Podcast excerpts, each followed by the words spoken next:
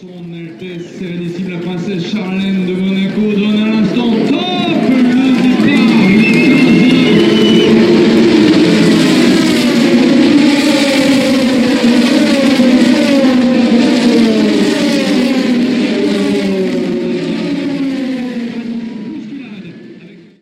Då så, då är årets Le Mans avklarat sedan lite drygt en, en eh, timme och vi tänkte vi skulle sammanfatta våra tankar om eh, årets tävling. Och ska jag börja eller ska jag fråga dig någonting Peter?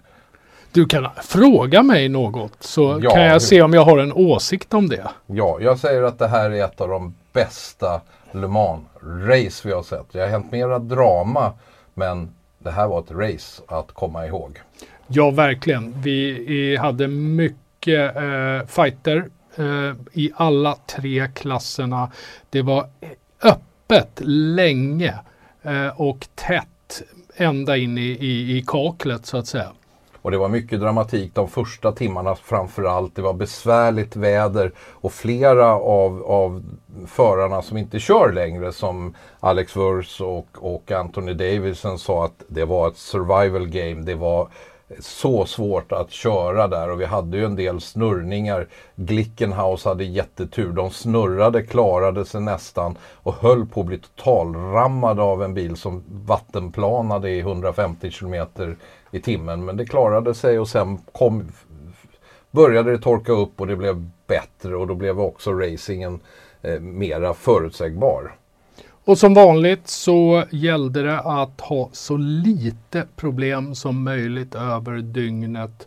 Och eh, att alla har problem, den profetian slog in som vanligt. Till och med vinnarna hade en ordentlig avåkning i första chikanen där de körde fast för att undvika en kollision. Men där hade de lite tur att de väldigt snabbt blev upplockade. Och sen de enda två tekniska problemen som Ferrari nummer 51 hade var ju två gånger fick, hade de problem att återstarta bilen efter, efter depåstoppen. Och det tappade de en del tid på. Eh, Toyota gick också i stort sett utan några större problem. Men där gjorde Rui Hirakawa ett litet misstag som kostade Toyota en hel del när han gick av i Arnage.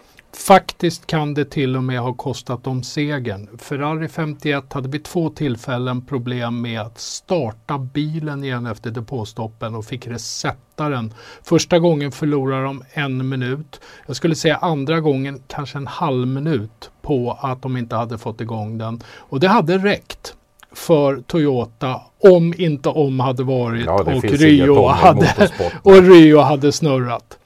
Så, Och att så, så tätt var det. Och så fick vi egentligen då LMP2 så tätt som vi har. Vi har i tio års tid pratat om att det ser ut som LMP2 ska bli jättetät och det blev den äntligen i år. Ja, sista eh, stinten skilde det bara 21 sekunder i mål mellan ettan och tvåan. Så det var ju precis vad vi hade hoppats på. Och GTE AM eh, var händelserik eh, och det var där de flesta bröt. Det var lite mer än vad vi är vana med. Det, det var fler som bröt än sedan 2015. Det var faktiskt fler än bröt som bröt än gick i mål i, i AM-klassen. Men samtidigt hade vi in i sista timmen fem bilar på ledarvarvet. Men i det stora hela så ett eh, fantastiskt eh, spännande Le Mans som innehöll allting det som en riktigt bra endurance racinglopp eh, skulle inneha. Det var väder, det var incidenter, lyckligtvis inga riktigt stora krascher. Vi hade en, en dramatisk incident med fyra bilar inblandade men Två bilar, där åkte ena Toyota-bilen plus en, en eh, Iron Lynx-bil. Nej, det var eh, bil nummer 66, en av de andra GT-bilarna. JMW Motorsport som åkte ut där. Men eh, i det stora hela så var det lagom med olyckor och lagom med, eller om man nu kan säga så, men lagom med olyckor och annat i årets race. Och eh, Ferrari då tar sin första seger sedan 1965 i huvudklassen. Det är några år det Paul. Ja, och de har ju inte varit med i huvudklassen sedan 1972. Kommer tillbaka till i år.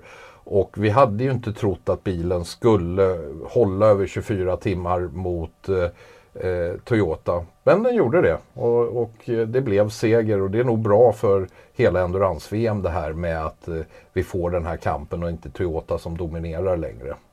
Och vi ska ju erkänna att vi trodde inför loppet att det var Toyotas race att förlora. Men så blev det inte. Eh, med balance och performance förmodligen och eh, även utvecklingen av de nya hypercar-bilarna så blev det ett oerhört jämnt lopp där jag tror att vi hade alla hybridbilar uppe i ledningen vid något tillfälle under racet. Ja, och det blev ju också en Daytona Hypercar på pallen med Cadillac nummer två.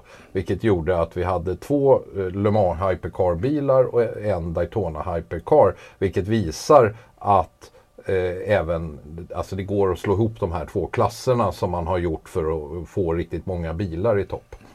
Och vi tror ju att klassen bara kommer att bli bättre och bättre. Vi räknar med ett par tre nya tillverkare nästa år med här på Le Mans, vilket kommer innebära att vi kommer förmodligen ha över 20 hypercars.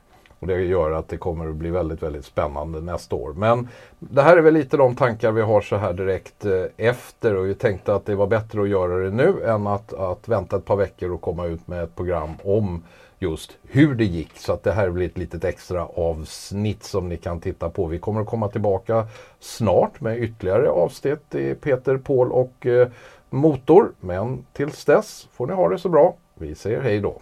Hej så länge. Son Hertés, la princesse Charlène de Monaco. Donne à l'instant top